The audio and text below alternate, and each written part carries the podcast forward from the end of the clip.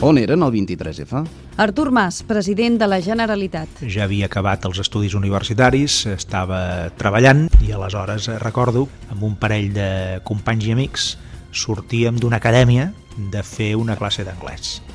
I recordo que ens vam ficar en un bar i en allà vàrem anar seguint una mica tot el procés aquell. José Montilla, expresident de la Generalitat i primer secretari del PSC. Jo estava veient el debat per televisió. Casualment estava a casa, cosa rara. Em vaig acomiadar de la meva dona, vaig separar el partit i després vaig anar a, a l'Ajuntament.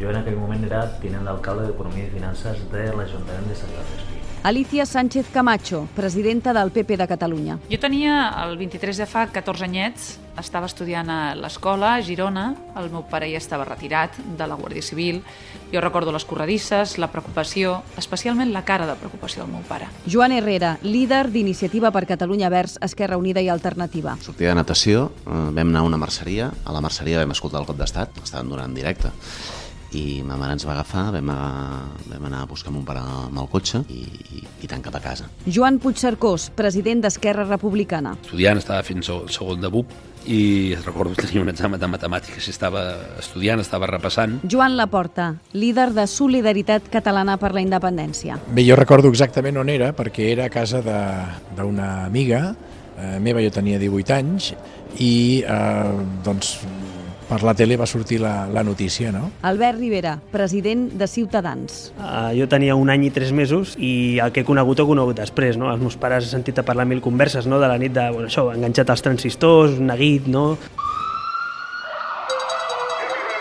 Quin impacte polític o personal va provocar-los el cop d'estat? Artur Mas. I allò va provocar doncs, la LOAPA, era un procés d'involució des d'un punt de vista de l'autogovern i de l'autonomia, que es va salvar pels pèls amb una sentència al cap d'uns anys del Tribunal Constitucional, però que va deixar una petja molt gran que encara dura ara. José Montilla. Bé, un avís molt clar de que la democràcia encara estava per consolidar al nostre país.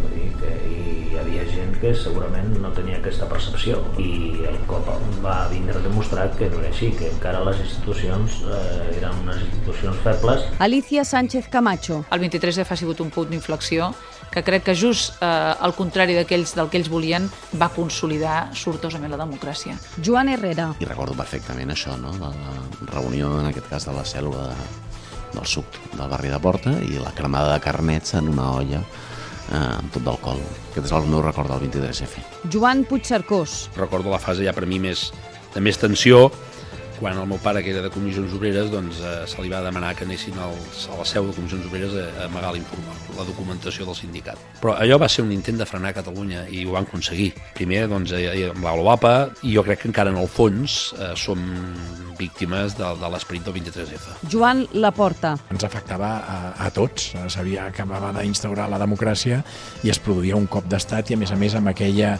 imatge del militar entrant al, al Congrés i amb els tricornis i, i va ser molt impactant, molt, molt impactant. Albert Rivera. Eh, que jo crec que a partir de llavors es va a lo millor enfortir una mica més fins i tot la, la democràcia veient que estava molt a prop tornar a l'antic règim, podríem dir. No?